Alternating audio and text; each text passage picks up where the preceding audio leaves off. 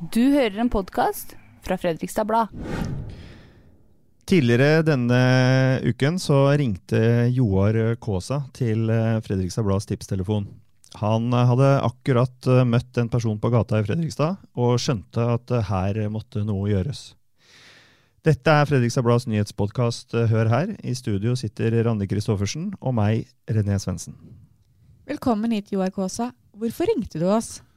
Nei, det var jo det at jeg møtte en uh, gammel kamerat av meg som var i en veldig dårlig tilstand. Og jeg så jo det at han trengte hjelp, uh, og han var fortvila, og han hadde ikke noe sted å gjøre av seg. Uh, han hadde lånt en sofa, men han hadde mista leiligheten sin. Hadde ikke fem øre i lomma.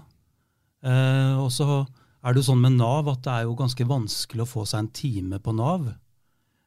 så, så han følte seg veldig sånn umyndiggjort på en måte. Han følte at ikke Nav tok tak i saken hans. da. Så det var derfor jeg ringte dere. Og så var vi hos brukerutvalget her i Fredrikstad. Og han tok faktisk saken alvorlig, så han ringte bort på Nav. da. Så vi fikk en time faktisk på, på stående fot på Nav. Men når jeg blir med han bort på Nav, så kommer vi inn der. Det tar tid. Eh, og så er det jo sånn at eh, pga. koronaen så er det jo nesten ikke saksbehandlere på Nav lenger. Så vedkommende som han snakka med, hadde jo hjemmekontor. Så vi sitter altså på Nav og snakker med en saksbehandler på telefon. Og så er det vedkommende som har prøvd og gjort alt han kan for å komme seg på Nav, for han trenger hjelp. Ruskonsulenten hans er sykemeldt. Og så er det på en måte litt vanskelig for han å komme seg inn i det systemet. da. Og så møter vi på en måte veldig sånn motgang, men så får vi hjelp fra brukerombudet. da. Og, da, og Han tok tak i saken, og han hadde til og med lyst til å skrive en klage da, på måten han hadde blitt behandla på. da, Ikke brukerombudet, men han brukeren som jeg hjalp. da. Så det gikk bra, da, med andre ord? Det gikk bra, ja. Så jeg snakka med henne i går. Da hadde han fått uh, krisehjelp. Og så var det snakk om at han kunne få seg et midlertidig sted å bo. da. Uh, så ting løste seg på en måte. Men det er jo sånn at uh, det er jo mange mennesker som er redde for den type mennesker. Og de er jo veldig usikre sjøl også, egentlig mye redsel de går og bærer på dem òg. Så de, når de møter på en måte et apparat da, som er veldig rigid, og som på en måte gjør at folk eh, nesten møter veggen, da, så, så føler jo det, de, de, det som en veldig utfordring. På grunn av at de føler at de blir motarbeida. Da. Og da blir det jo vanskeligere for dem å prøve å søke om å få noen form for hjelp også. For de føler jo at hjelpeapparatet det, det er som å møte veggen. da. Eh, så jeg føler jo det at ting skulle vært gjort mye mer annerledes på Nav, at det skulle vært muligheter til å komme inn for en samtale. da. Eh, folk som trenger krisehjelp, og når folk ikke har noe sted å bo engang, liksom, i november måned. Så, så det en telefonsamtale, da, det, det, var liksom ikke den rette hjelpa å få. da. Han trengte jo hjelp til å skrive en søknad, eh, for det må jo være søknader også. Det er ikke bare å snakke med noen på en telefon. Det må søkes, og det må liksom sendes og alt mulig sånne ting. Da. Og det går jo ikke via telefon og et hjemmekontor. Det er mye byråkrati. Veldig mye byråkrati. Og så tok det jo to dager, da, men så hadde vi jo brukerutvalget på, på saken også. Det, så det, det, løste hele situasjonen, da.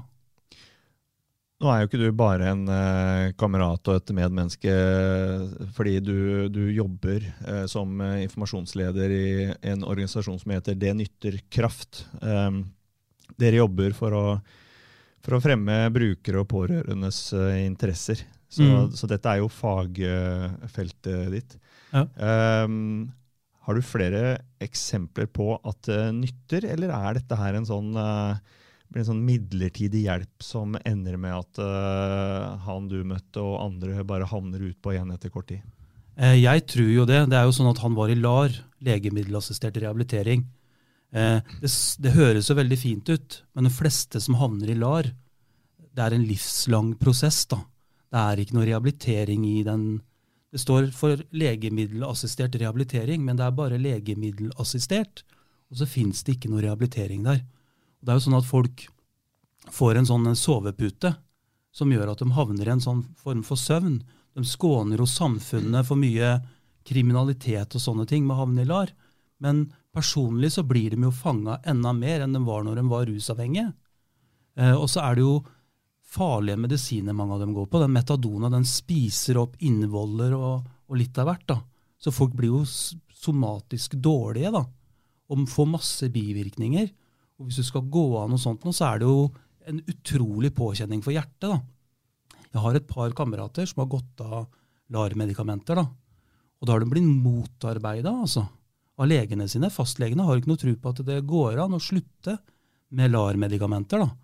Men de har tatt det og fått hjelp fra privatpersoner, og så har de tatt den siste bølja enten på Østfoldklinikken eller på noe som heter um, Evangeliesenteret, og har et sted som trapper ned av LAR-avhengige. da. Ja, når du sier den siste bølga, hva betyr det?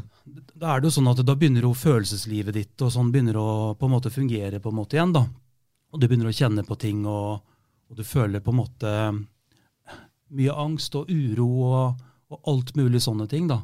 Altså, Så så, trenger du på en måte et apparat som kan være og bistå deg i den siste delen hvor, eh, hvor ting blir veldig vanskelig. da. Ja, for de tinga du sier kommer tilbake, det er, det er noe som behandlinga da har fjerna underveis?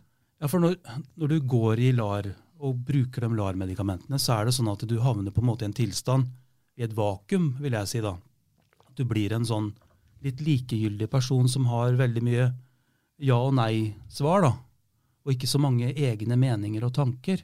Det blir veldig flatt, da, det livet de lever. Eh, Men det er jo av at en rusavhengig har jo gått på kompromiss med seg sjøl i altfor mange år, da, for å si det sånn, og har det veldig vondt inni seg. Og det er jo en sånn prosess som vedkommende skulle ta tak i. Men det er jo det hjelpeapparatet er så redd for, da, å ta tak i pga. at eh, de er redd for at det følelsesregisteret på en måte løper løpsk, da, at folk på en måte enten klikker psykisk, da, eller at de sprekker på andre medikamenter eller rusmidler. da. Ja, så derfor eh, er det, er det altså derfor at uh, man kan hevde at uh, leger da motarbeider det å avslutte en sånn behandling? Ja, for jeg føler at det fagfeltet har på en måte svikta det, det miljøarbeidertankegangen, det sosialistiske tankegangen på å hjelpe folk. da, Den har på en måte blitt litt borte. Og så har det blitt sånn at uh, vi gir dem medisiner og setter dem på vent. Men så blir de bare satt på vent. da. De får jo ikke noe progresjon i livet sitt i hele tatt, i form av skole. Det er jo noen som får det, men det er jo svært få. De fleste får bare medisiner. Og så er det kanskje noen som også ønsker å gjøre noe med livet sitt, og som har lyst til å ta urinprøver og sånne ting. De må betale faktisk urinprøvene sine sjøl. Og det har jeg hørt at kommer og koster helt oppi 180 kroner gangen eller noe sånt for å ta en urinprøve. da. Og det å begynne å betale det av egen lomme for å bevise overfor alle at du på en måte er ren, da. Men har du prøvd LAR selv? Nei, jeg har aldri vært i LAR. Eh, og det er jeg veldig glad for. Jeg har egentlig vært veldig redd for medikamenter eh, skrevet ut av lege bestandig. Jeg har jo brukt det sånn i krisesituasjoner. Når jeg har vært veldig dårlig og på nedtur og, og når jeg har vært eh, liksom dårlig, da. Men, eh, men jeg har alltid hatt respekt for det, for jeg har sett hva det gjør med folk. Og hvor fort en blir avhengig av medikamenter. da. Eh, og nå har jeg jobba på felt i, i snart 13 år også. Jeg har også jobba med avrusning.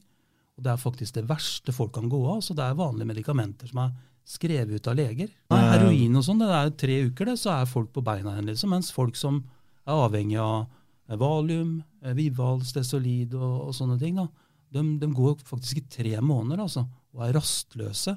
Klarer nesten ikke å sove. Og det er, det er helt grusomt å se på. Og eh, da skjønner vi jo eh, på spørsmålet fra Randi at eh, du har ikke bare jobba som informasjonsleder eh, hele livet, du har også eh, vært rusavhengig og også bostedsløs. Hvordan uh, starta det her, eh, dette livet for deg? Det er jo sånn at jeg egentlig er fra Rjukan. Eh, eh, faren min hadde store alkoholproblemer. da. Han prøvde jo å gjøre noe med livet sitt, men han klarte det ikke. Eh, han stakk ifra mora mi og oss da når vi var små, men så kom han plutselig tilbake igjen. Og Rjukan er jo et veldig lite sted. Eh, så vi hadde politi på døra stort sett hver dag en periode. Eh, mora mi ville jo ikke slippe inn faren min, han hadde jo ikke nøkkel, så han knuste kanskje vinduet eller døra eller noe sånt. da. Så hadde vi ikke telefon den tida men eh, naboene ringte politiet, da. Som kom og henta faren min, da. Og det, så, sånn hadde vi det kanskje et halvt års tid, vel. Og da skjønte mora mi at vi måtte flytte. Og mora mi, mora mi er død, men hun var her fra Fredrikstad, da. Så derfor havna vi i Fredrikstad. Så jeg bodde i blokkene på Tørkopp. Og så flytta vi igjen til Lillegård på Lisleby. Og da gikk jeg på Nøkkelby fjerde, femte og sjette klasse. Og så begynte jeg på Haugåsen ungdomsskole. Gikk der et halvt år, og så flytta vi igjen. Det har vært en sånn en gjennomgang. Jeg har flytta veldig mye, da. Og så Litt pga. faren min og litt pga. den situasjonen som mora mi har vært pga. at hun har vært alene med tre unger. da. Så har hun slitt litt økonomisk og hatt vanskeligheter med å betale husleier og vanskeligheter med, å- med, med å fø oss og sånn. da. Så har hun jo hatt opptil tre jobber av gangen og sånn, mora mi da. Men så vi har i hvert fall flytta veldig mye. da, Så flytta vi til Trara, og da begynte jeg på Seiersten ungdomsskole. og Der gikk jeg i halve sjuende klasse, resten av sjuende. Og så gikk jeg halve første delen av åttende. Og så ble jeg kasta ut av det. Hadde jeg jo langt hår. Eh, Jeg røyka jo og hadde jo begynt å ruse meg. Eh, Og så fikk jeg skylda for at eh, tre andre i klassen hadde begynt å røyke og ruse seg og høre på sånn musikk som jeg hørte på. da. Og Den tida der så lå mora mi på sykehuset, hadde fått blodpropp. Jeg bodde hos tante og onkelen min. Søstera mi bodde hos en annen tante og onkel. Og storebroren min han bodde hos besteforeldra mine på mora mi sin side. da. Så jeg hadde det jo veldig vanskelig den tida der. Eh, og var jo kanskje litt i opposisjon. Eh, men jeg har slitt med dysleksi fra jeg var liten. Men jeg har aldri, blitt, eh, aldri fått diagnosa, da, for å si det sånn. Men jeg har jo skjønt i ettertid at det er det jeg har slitt med. Og det har jo på en måte aldri blitt fanga opp. Så for meg, da, også med den, den perioden hvor jeg på en måte hadde problemer med å sove om natta pga. det som skjedde hjemme, og, og sånne ting, så hadde jeg konsentrasjonsvansker og, og, og hadde problemer på skolen. da. Så istedenfor å få hjelp, så, så ble jeg kasta ut. da. Det var ingen voksne som så deg? Nei. Jeg har jo vært på BUP og sånn. når Jeg gikk på barneskolen, det var, var innom der. Jeg gikk på Nøkleby. Men på ungdomsskolen så var det ingen som tok tak i det. Og de så på meg som en eh, ja, jeg vet ikke. En person som eh, kanskje fikk med seg andre da, til å gjøre mye gærent. Men da begynte jeg på en skole som heter Skole- og miljøgruppa. Den er ikke lenger nå, da. Den lå bak eh, Trara skole. Det var seks elever vi var. Og så var det tre lærere og en eh, miljøarbeider. Og der hadde vi skole tre timer hver dag utenom fredag. Fredag hadde vi gym da. Vi var og bowla og svømte og litt sånn forskjellig. Så lagde vi mat og sånn på skolen. da. Og når jeg begynte på den skolen der, så var det jo ungdommer som hadde det på samme måte som meg. da, Så jeg følte meg på en måte tilhørig, eller fikk en tilhørighet der. da. Eh, og så hadde vi en sånn eh, fotballturnering da, hvor vi spilte mot andre skoler da, som, eh, som samme type som skole som vi hadde. da. Og da vant vi faktisk en sånn, en sånn turnering. da. Eh, og da fikk jeg på en måte lov Jeg har alltid vært flink i idrett. da. Jeg var jo ikke flink på skolen, men i idrett var jeg veldig flink. Eh, løp veldig fort og var liksom sterk. Og, og spesielt fotball da, var liksom min greie. Så, så jeg fikk jo lov til å trene på en måte skolelaget da, og, og fikk lov til å bestemme litt. og og det skapte på en måte noe positivt i meg som gjorde at jeg vokste som, eh, som menneske. da. Og det at jeg ble på en måte tatt seriøst. Og, og de så jo mine utfordringer, men de hjalp meg på en god måte. da. Det gjorde jo at jeg fikk det mye bedre med meg sjøl, og ble mer sikrere på en måte på meg sjøl inn i ungdomsåra. da. Fordi jeg hadde rusproblemer. sånn, Jeg røyka jo cannabis og, og drakk og, og begynte å bruke amfetamin og sånne ting. Men, så, men allikevel så fikk jeg det bedre med meg sjøl. Eh, og det var på en måte noe jeg tok tak i når det gikk eh, helt gærent. da. Eh, men som 20-åring da, så skjønte jeg jo det at, eh, at jeg har blitt en person som jeg ikke likte å være sjøl engang. Altså. Jeg så det først på kameratene mine, at de hadde forandra seg så mye. Eh, Før så var det sånn at vi delte alt vi hadde utenom eh, damene våre. da. Eh, men plutselig så ble det sånn at vi lurte hverandre nesten. vet du. Jeg, jeg så det først på dem, og merka det på dem. Men så merka jeg at jeg blei sånn sjøl også. Og da tenkte jeg at det her gidder jeg ikke. Så som 20-åring da, så klarte jeg faktisk å slutte å bruke narkotika. da. Hadde en del sprekker sånn innimellom når jeg drakk og sånne ting. Så jeg skjønte jo det at å drikke òg var liksom skummelt. da. Så jeg klarte faktisk å etablere meg, fikk meg jobber og, og sånne ting. Men for meg så var det jo vanskelig sånn med en gang. Jeg husker jeg jobba som vaktmesterassistent da, på et uh, aldershjem. Eh, og så havna jeg på en sprekk, da. Og så, men så ringte jeg, da. Jeg angra meg, så ringte jeg til han vaktmesteren. Og så sa jeg hva som hadde skjedd. Og så blei han så glad for at jeg var så ærlig og fortalte hva som hadde skjedd, så han ga meg en sjanse til. da. Det endte med at jeg var der et helt år. da. Eh, og for meg så var det en fin prosess, for det var jo det å lære seg ting på nytt. da. Når du har vært rusavhengig og rusa deg i, i mange år, så blir det jo sånn at du snakker på en måte, og du tenker på en måte som ikke er bra. da. Så du har på en måte ikke de sosiale antennene for å kunne forstå åssen det er du skal samspille med andre vanlige mennesker. da. Så det fikk jeg faktisk bygget opp på det aldershjemmet. Og så begynte jeg jo um, å jobbe litt i Manpower, og så fikk jeg fast jobb da. Uh, og så fikk jeg en datter, og så gifta jeg meg. Men så hadde jeg på en måte hadde det så vondt inni meg da, av det at jeg hadde gått på kompromiss med meg sjøl. Så hadde jeg gjort mange ting som jeg angra for, og ting som gjorde meg egentlig vondt. da. Altså, Eh. Snakker du nå om ting som da du hadde opplevd i, i, som ungdom og ung voksen? Ja, Ting du hadde gjort da. Jeg, jeg var jo I rusperioden. Ja, jeg var jo Ja. kriminell. Hadde gjort en del innbrudd, stjålet forskjellige ting. Eh, og det gjorde at eh, samvittigheten den gnagde på meg, da, så jeg hadde det vondt med meg sjøl. Og så var det jo sånn på jobb og sånn. Alkohol var jo en veldig vanlig ting, da. Jeg prøvde liksom å holde meg litt vekk fra det. Eh, for jeg hadde jo hatt noen sprekker når jeg drakk alkohol, som jeg havna på kanskje noe kokain eller amfetamin eller noe sånt. da. Eh, men så blei det jo sånn at vi reiste rundt og sånn med, med jobben jeg fikk, da. Jeg fikk fast jobb på Mills, faktisk. Jobba som lagermedarbeider der. Vi dro til England og Danmark og alt mulig. Vi var 17 stykker da, som dro. Og så hver gang vi dro hjem igjen, så ble jeg stoppa i tollen. da. Og da var det jo sånn at eh, jeg hadde 162, da, som er eh, eh, legemiddelloven. da. Jeg hadde blitt tatt med masse cannabis to ganger. da. Så hadde jeg også vært inne og sona for det. Eh, besittelse og bruk av cannabis. Eh, så det var jo sånn at det sto jo i registeret, så hver gang jeg dro til utlandet, så, så var jeg en potensiell smugler, da, kanskje, i tollens på en måte øyne. Så jeg ble jo stoppa hver gang. Og den tida da, så hadde jeg jo barbert hue og hadde langt skjegg og sånn, så jeg så jo litt sånn eh, rocka ut, da, så jeg sa jo det er på av skjegget, sa jeg. Men det var jo ikke på av det. Det var jo på av min historie, da. Ja, for det var ingen som visste din bakgrunn da? Dine Nei, jeg ville egentlig ikke fortelle om det, liksom. Eh, det var jo sånn. Eh, så det var jo ingen som visste om det. Men etter hvert så slo jo det sprekker, og jeg begynte jo å drikke. Når jeg var på fest og sånn sammen med dem, så begynte jeg å drikke, og jeg klarte ikke å holde det drikkemønsteret deres, så det blei sånn at jeg kasta innpå og ble full og følte at det her var jo ikke det rusmiddelet jeg hadde lyst på, så, så jeg begynte å ruse meg på andre ting, da.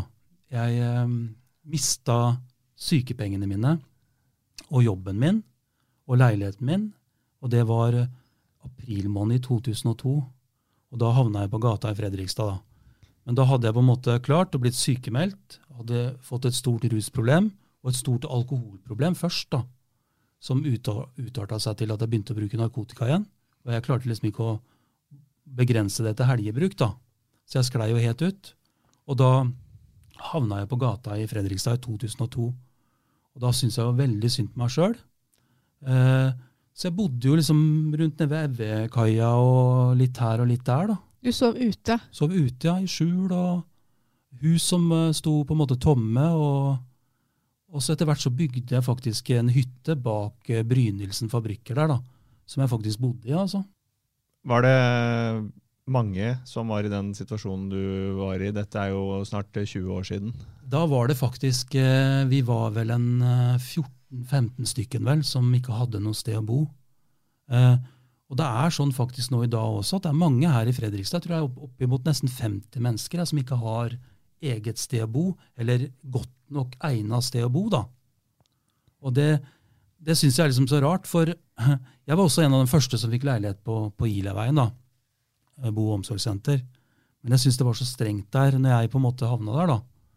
Eh, jeg var jo glad i øl og sånn den tida, og jeg fikk jo ikke lov av øl i kjøleskapet, og jeg måtte ringe og si fra om ikke jeg kom hjem og sånn. og Så jeg følte jo nesten at jeg havna på en sånn institusjon, eller nesten i et fengsel, da. Eh, Så, det, så jeg var jo aldri på Ilaveien, og det endte jo med at jeg, at jeg mista leiligheten der også, da. Um, og til syvende og sist så holdt jeg jo på å fryse i hjel på gata i Fredrikstad i 2006, da. Uh, og da da var det jo sånn at jeg hadde møtt en Frelsesarmeen-soldat mens jeg bodde på gata i Fredrikstad, og han hadde på en måte fortalt meg om et sted som han trodde at jeg kom til å like meg. da. Eh, men jeg, jeg var egentlig ikke noe motivert for noe rusbehandling. Eh, og så hadde jeg det så vondt med meg sjøl. Eh, og jeg har jo en datter også da, som blir 25 år nå, og følte, følte at ting var vanskelig, da. Men eh, til slutt da, så ringte jeg jo han eh, Reidar og sa at nå kan du kjøre meg opp på det stedet som du har snakka så varmt om. Da Da kjørte vi opp på Østerbo evangeliesenter, og det var jo ingen som visste at vi kom. Jeg hadde jo ikke noe plass eller eh, noe bekreftelse av kommunen her at de kunne betale for meg eller noen ting. da. Eh, så etter mye om og men da, så fikk jeg en plass der oppe. Og det som var så rart, det var at eh, jeg er jo fra Rjukan. Men det var ingen som visste at jeg var fra Rjukan, og ingen som visste at jeg kom engang. Men jeg kom inn på rommet mitt på en avdeling som heter Eneren. Så er det et bilde av Gaustatoppen på rommet mitt. Så tenkte jeg, hva er dette for noe, liksom? Jeg fikk frysninger over hele kroppen. Så skjønte jeg ingenting, altså. Da, Det var første gangen på veldig lenge at jeg hadde følt meg hjemme noe sted. Jeg fikk en sånn rar følelse da, av tilhørighet på grunn av det bildet. da. Men jeg har jo funnet på mye rart her i byen. da. Eh, jeg har lyst til å fortelle dere litt om den fotballkampen som var nede på, ned på eh, vi, vi lagde et fotballag på Trosvikstranda. Hvor gammel var du da? Det her var i 2003. I 2002 så gravde jeg meg jo bare lenger og lenger ned. Jeg syntes veldig synd på meg sjøl, for jeg hadde mista sykepengene da, og leiligheten min og jobben min, så jeg gravde meg bare lenger og lenger ned. Eh, men i 2003 så finner jeg et menneske i Fredrikstad som ikke var i stand til å ta vare på seg sjøl. Og da tok jeg tak i den og la den på skuldra mi, og så bærte jeg den med meg da, ned på Evjekaia der. eh, Og ned til den hytta som jeg hadde bygd. da. Og så tok jeg på en måte vare på den. Jeg må bare spørre, Hvordan så den hytta ut? Eh, veldig sånn eh, hjemmesnekra, for å si det sånn. Hvor stor var den? Eh, det var ikke store greiene, altså. Bitte knøttlite sted hvor det gikk an å sove, for å si det sånn. Var det senger og Nei, nei, nei, det var sovepose og pledd og tepper og, og sånne ting der nede. da. Men det var jo på en måte et tilholdssted. For det var jo sånn at når vi, vi Jeg har jo fløyet ned på Evjekaia der. Og i begynnelsen så skjønte jeg ikke hvorfor, for vi prøvde jo å gjemme oss så godt vi kunne, da, men allikevel så kom politiet hver gang. Eh, og så gikk jeg inn på Rema 1000 en gang, og så eh, gikk jeg ut av butikken, hadde vært og kjøpt meg noen øl, og så kommer han butikksjefen springende etter meg. da. For Han trodde jeg hadde stjålet uh, i butikken hans. Og så sier han til meg at eh, det her er den butikken i Fredrikstad hvor det blir stjålet mest varer sier han. Uh, og så sier han men jeg har ikke stjålet noe, og så, og så blir han veldig lei seg for at han har beskyldt meg for noe jeg ikke hadde gjort. Så jeg ble kamerat med han. da. Uh, og det endte jo med at han ble jo på en måte hovedsponsoren vår når vi skulle spille mot politiet i 2003. Uh, Når du sier våres, hvem snakker du om da? vi var en gjeng også som eh, bodde, vi var tre stykken som bodde på gata, og resten av folka var jo folk i rusmiljøet rundt Trosvikstranda. Eh, jeg fikk alle til å slutte å stjele på Rema 1000 eh, på Evjekaia. Men de stjal andre steder, da, kanskje? Det gjorde de sikkert.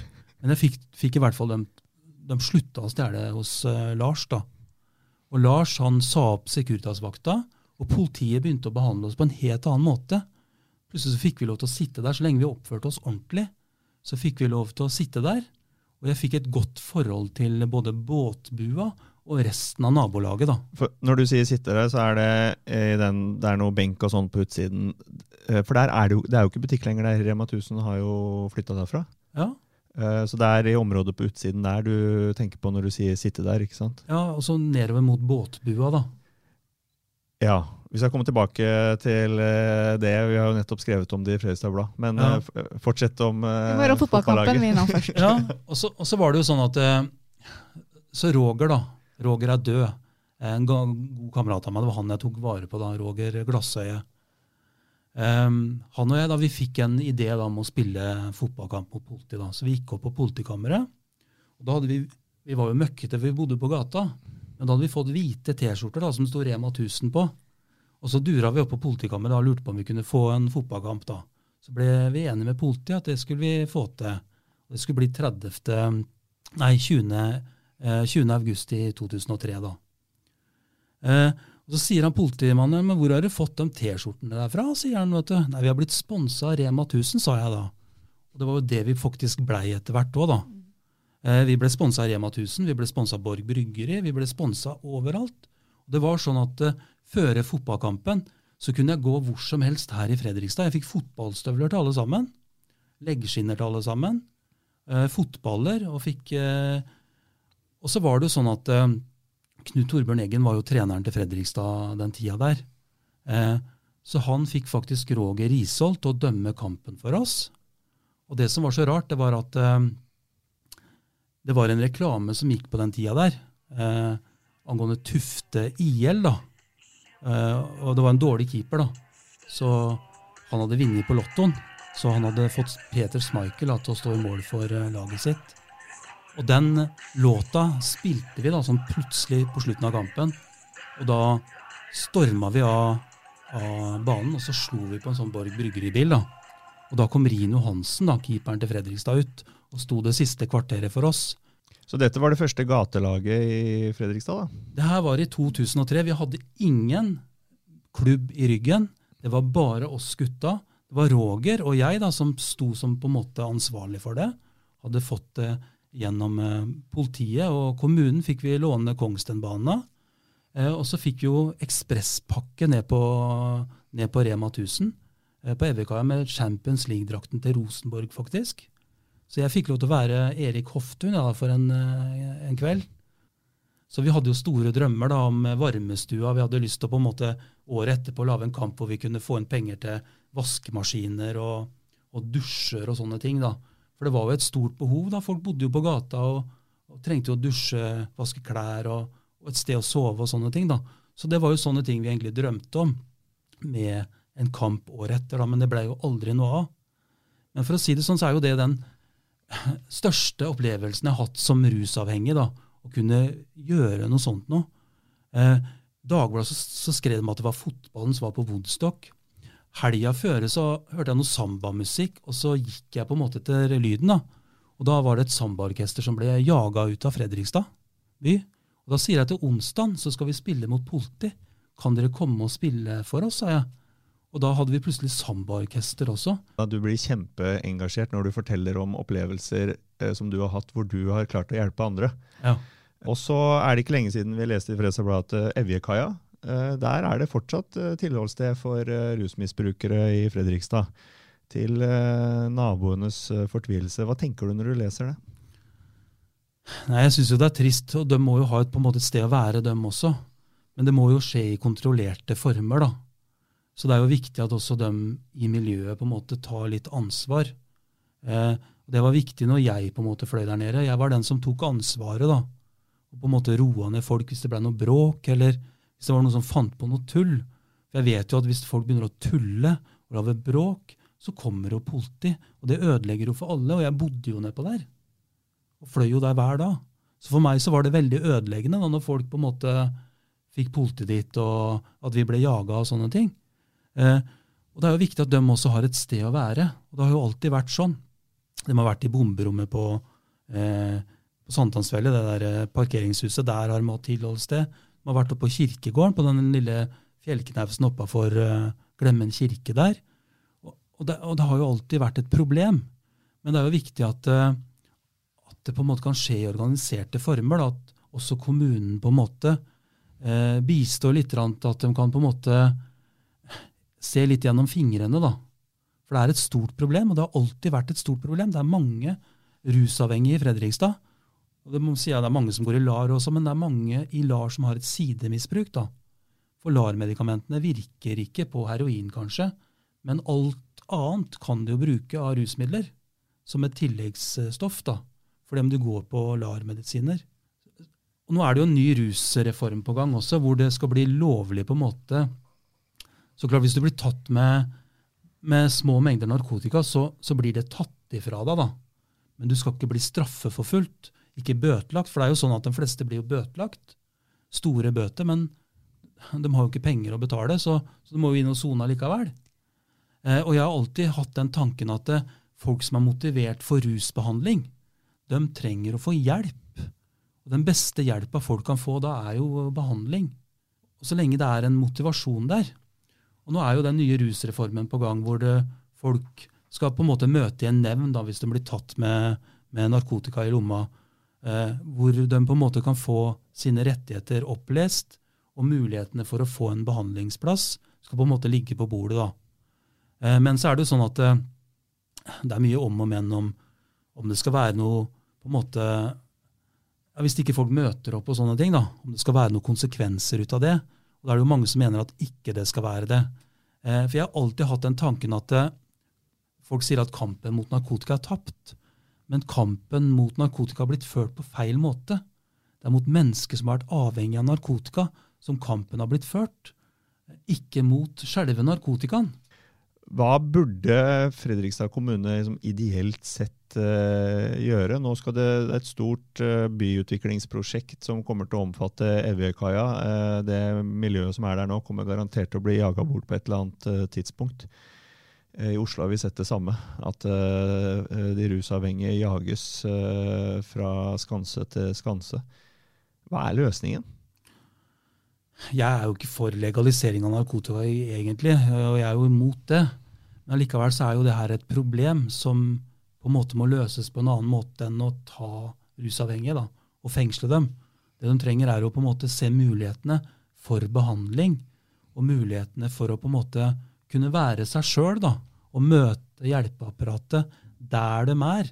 Og Det er viktig at folk ser det potensialet som er i, i folka. da, for det er mange gullskatter altså, som går rundt, som på en måte folk ikke ser i hele tatt. Det er mange talentfulle skribenter. Eh, det er poeter, det er musikere, og det er folk som er flinke i idrett. Og Det er det å på en måte kunne se et potensial i folk. Og, og folk som er syke.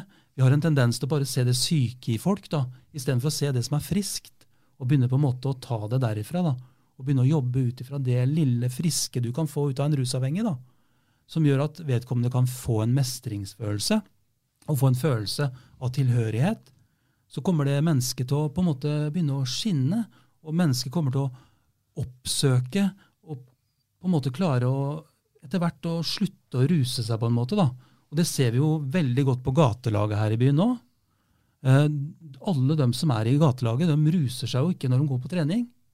Og de har funnet noe som de syns er interessant å holde på med, pluss at de har fått eh, samhørighet. Og de har fått eh, en lagfølelse. Det, er, det, er, vi, liksom. Det er ikke meg lenger, men det er vi. Og det er, jo, det er jo sånne ting vi også må se på.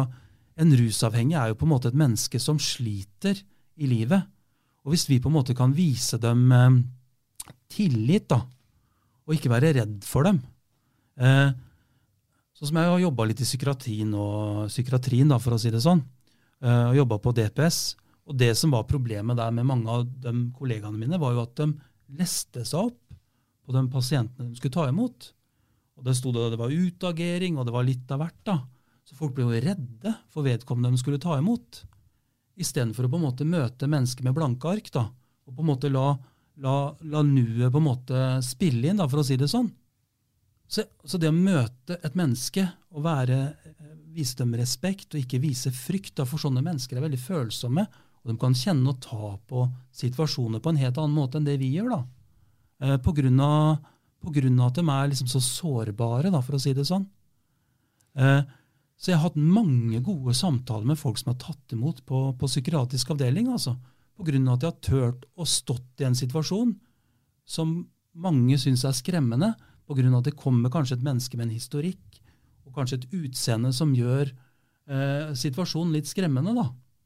Men hvis du klarer å møte det mennesket med blanke ark, og klarer å roe situasjonen, da, så skaper du en tillit som du kan bygge videre på. da.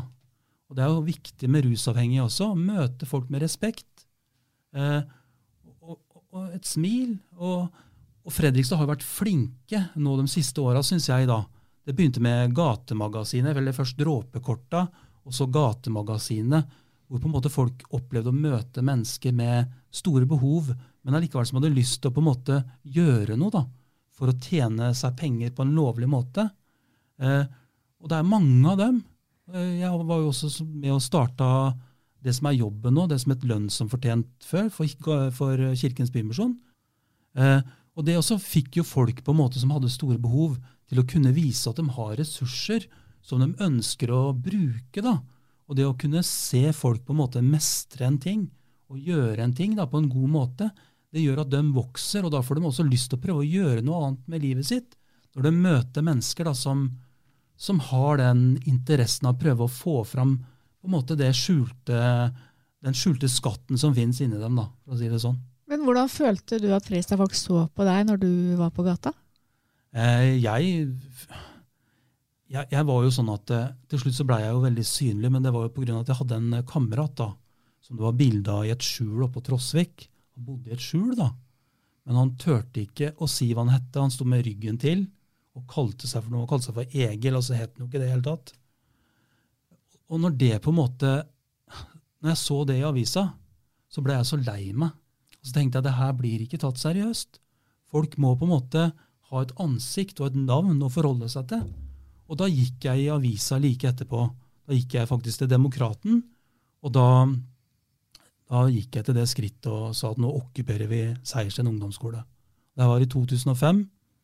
Eh, og det var jo for å prøve å sette den boligsosiale situasjonen på dagsorden. Men, men når de så deg på gata, vanlig Fredrikstad-beboer, så de deg i øya da? Eller ser man bort, eller? De så bort. Og det var jo sånn, jeg bodde på gata, så lukta det, det lukta vondt av meg. Jeg så jo ikke bra ut. Hvordan føles det at ikke folk vil se på deg? det Vemmelig. Så er det jo sånn at jeg, jeg gikk jo rundt gatelangs og hadde jo ikke røyk engang. Gikk jo og pella sneiper og sånn, vet du, på gata. Og det, det er ganske fornedrende å, å ha det sånn. Eh, når jeg ser tilbake på det, så er jeg veldig glad for at jeg har opplevd sånne ting. For, for da kan jeg på en måte sette ord på det, og så kan jeg hjelpe andre som er i den samme situasjon. Men det er jo så klart, jeg har hørt mye rart. Eh, Folk har kastet, slengt mye drit eh, etter meg. da. Det var en gang jeg også ble arrestert av, av politi. Det var midt på vinteren. Eh, og han sa til meg det at eh, vet du hva jeg skulle gjort for noe? han. Jeg skulle tatt eh, brannslangen, så skulle jeg spyle av deg. sånn. For du lukter dritt av deg, sa han politimannen. Det, det skulle du gjort, sa jeg, så hadde jeg jo frøst i hjel etterpå. Det sa jeg da. Men Du snakka litt om det i stad, i 2006. Da Ja. du frøs så fælt når du bodde på gata. Ja. Det var jo sånn at jeg gikk jo gatelangs, og innimellom så turte jeg ikke å gå og legge meg heller, for eh, jeg var så kald. Og jeg visste at eh, hvis jeg la meg et eller annet skjul eller en garasje, eller noe sånt, så, så var jeg sikker på at jeg ikke kom til å våkne igjen. da. Eh, og så var det en sånn pussig opplevelse en gang hvor jeg lå og sov. Jeg kjente meg en garasjedør, da. Og så var garasjen oppe, og så sto det en bil inne i garasjen. Og så var bildøra vet du. Så gikk jeg og satt meg i baksetet, da. Og så sovna jeg jo. Og så våkna jeg dagen etterpå med politimann på hver sin side som lyste med lommelykter. da. Og så hørte jeg dem som eide bilen. Han har sikkert eh, brekt seg inn og tatt eh, stereoanlegg. og Jeg hadde ikke rørt noen ting, da. Jeg hadde bare søkt tilfly for natta. da, men Men er det noen som eh, i år vil ha det sånn i Fredrikstad, tror du? Som vil være redd for å ha et sted å sove? Ja, det er jo faktisk Eller redd for å eh, fryse i hjel? Det er faktisk eh, rundt 50 mennesker i byen her nå som eh, ikke har bra nok egna sted å bo. da. Og Det er folk som sover på sofaer her og der, og, og blant annet han kameraten som jeg møtte. da. Og de har jo, kommunen har jo en avtale med, med Ørmen der ute. da. Så det er jo rom som folk får bo på der, men det er jo mange som ikke ønsker å bo der da, pga. at det er et rom med en vask. Det er jo ikke noe dusj der, det er ikke noe kokemuligheter. Det er liksom ikke et hjem, for å si det sånn. Og det folk trenger, er jo et hjem, først og fremst. Skal vi hjelpe mennesker til å slutte med narkotika, så må vi, må vi gi dem verdighet, og så må vi gi dem et godt, varmt sted hvor de kan føle seg hjemme. Og så kan vi begynne å hjelpe folk, da. Langs eh, Glomma-stien på Selbakk så er det noen eh, boliger, Ja. kommunale boliger, som ligger i prinsippet i, liksom utafor eh, boligområdet og i, i industriområdet. Sånn gjemt bort. Det er, det er helt åpenbart for alle at her har, her har man ønska å skjule de som bor der, eh, best mulig. Er du kjent med det stedet? Jeg er veldig kjent med det stedet. Hva tenker du om den politikken, hvis du skal kalle det det? da? Det er jo sånn at det, Og det er det jeg føler på feltet generelt, at de fleste fagfolk har gitt opp. da. Eh, gitt opp eh, det å hjelpe folk. Så klart det å hjelpe rusavhengige er det er, det er, det er tøft. Eh, men det er viktig å på en måte presisere og si til et menneske du skal hjelpe, er du motivert, så kan jeg hjelpe deg. Jeg kan ikke gi deg noen motivasjon, den må være din, liksom. Det må være ferskvare. Og da kan vi hjelpe folk. Eh, men så klart, sånn som i Romme, er ikke Rommeveien etter da, tror jeg. Um, der har det jo blitt sånn at de som ikke kan bo eh, på Ilaveien, de havner der oppe. Der oppe er det jo helt Texas. Eh, her For noen år tilbake så, så ringte en kar meg, og han hadde vært så snill da, og tatt noen inn i leiligheten sin der oppe. Da hadde det endt med at de hadde tatt over leiligheten hans. da. Så han havna sjøl på gata i Fredrikstad. Hadde ikke noe sted å gjøre av seg. Det er jo sånn at uh, dører og alt blir ødelagt. og Det er ganske solid der oppe, men allikevel så klarer man å ødelegge dører og, og, vinduer og litt av hvert. altså. Og det var jo sånn, I begynnelsen så var det jo til og med kontor der oppe. Kommunen hadde jo uh, kontortid uh, to ganger, vel. Det var både på dagtid og kveldstid. Så var det Securitas der på, på natta.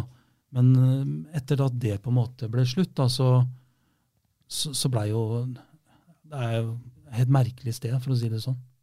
Folk kan gjøre akkurat som de vil. Og, og, så er det jo sånn at det er den sterkeste som på en måte overtar. da. Det blir sånn gjengmentalitet. Og det blir sånn at sånn som han jeg fortalte om, som hadde vært snill og tatt noen inn i huset sitt, og så endte med at de okkuperte huset hans og, og tok over hele greiene. da. Og det, og det, er jo liksom ingen som tar tak i de tinga der heller. Eh, og der er jo det som hadde trengs der oppe, var jo folk som, eh, som kunne prøvd å aktivisert eh, dem som bor der borte. Og fått dem på en måte interessert og kanskje prøve å gjøre noe annet i livet. da. Og så rydda litt opp og prøvde å få gjort det litt koselig der borte.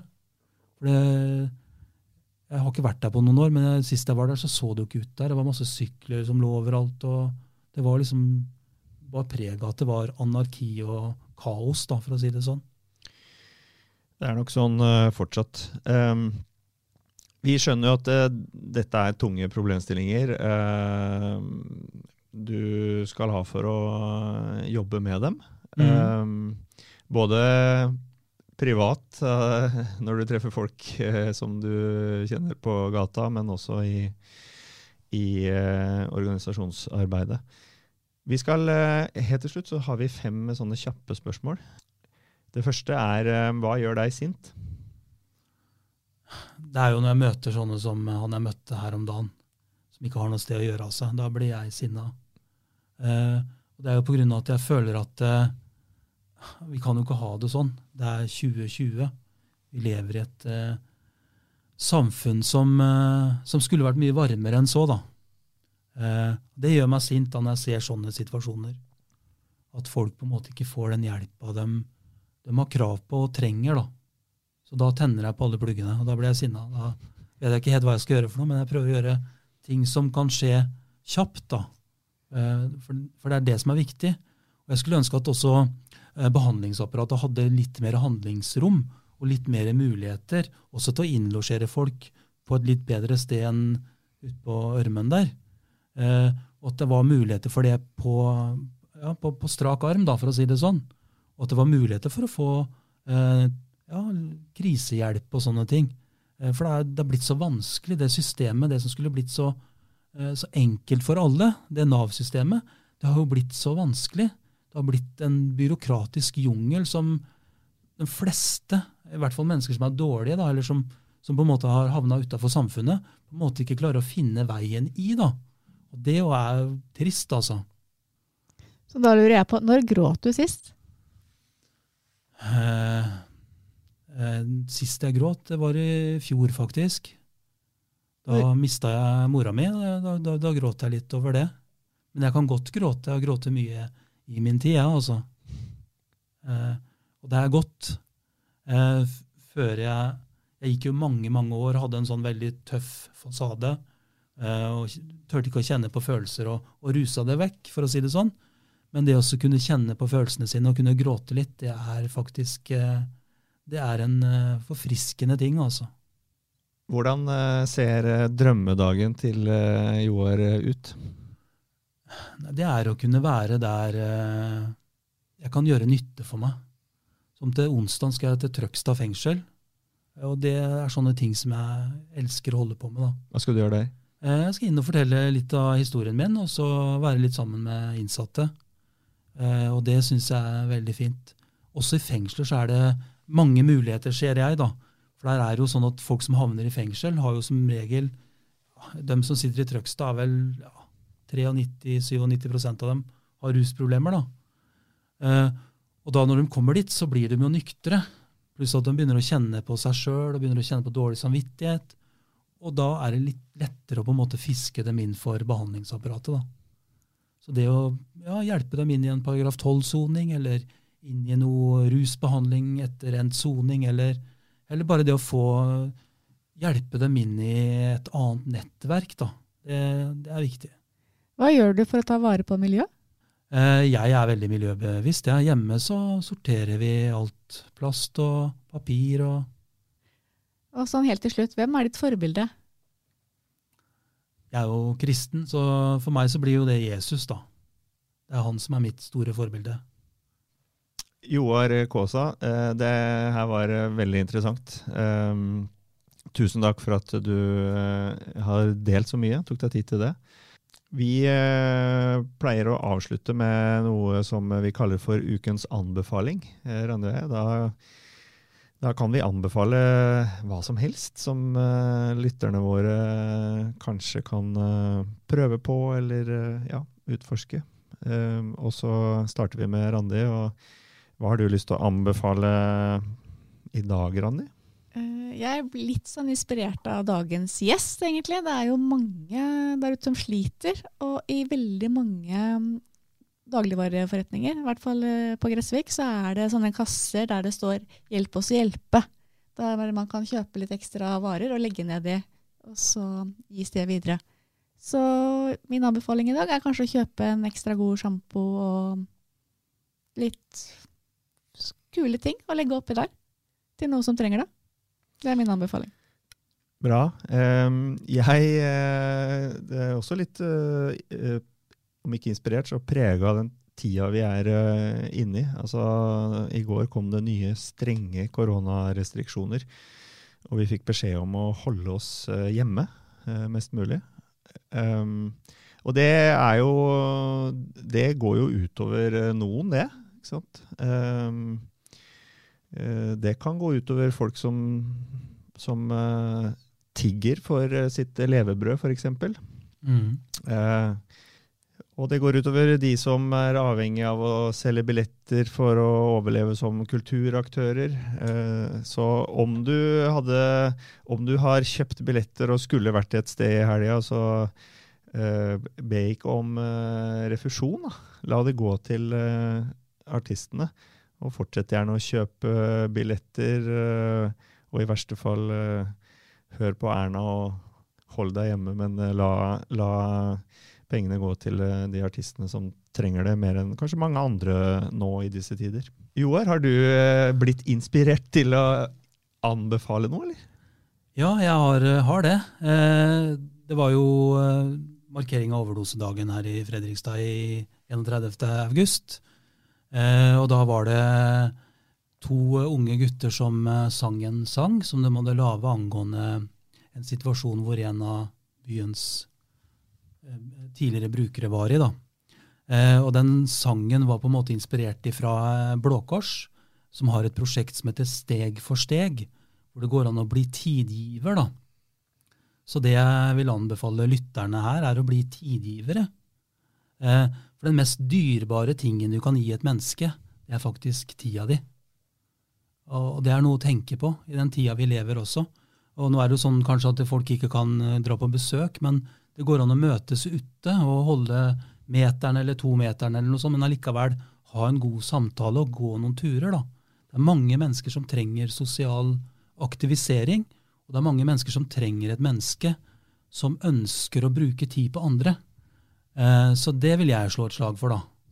Steg for steg eh, Blå Kors. Ukas beste anbefaling, det der. Det tror jeg vi må bare konkludere med. Uh, Joar Kaasa, tusen takk for at du uh, kom til oss, og lykke til videre med viktig arbeid. Tusen takk.